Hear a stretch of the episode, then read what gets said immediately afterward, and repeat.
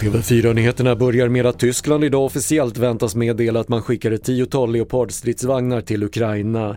Det uppger tyska Der Spiegel och enligt obekräftade medieuppgifter överväger även USA att skicka stridsvagnar till Ukraina.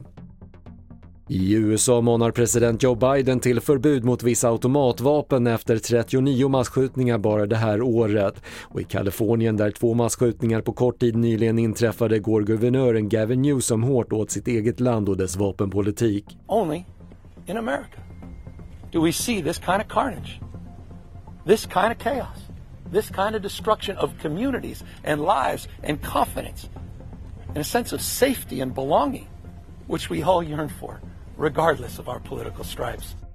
Och minst nio personer saknas efter att ett fraktfartyg sjönk i havet mellan Sydkorea och Japan under natten.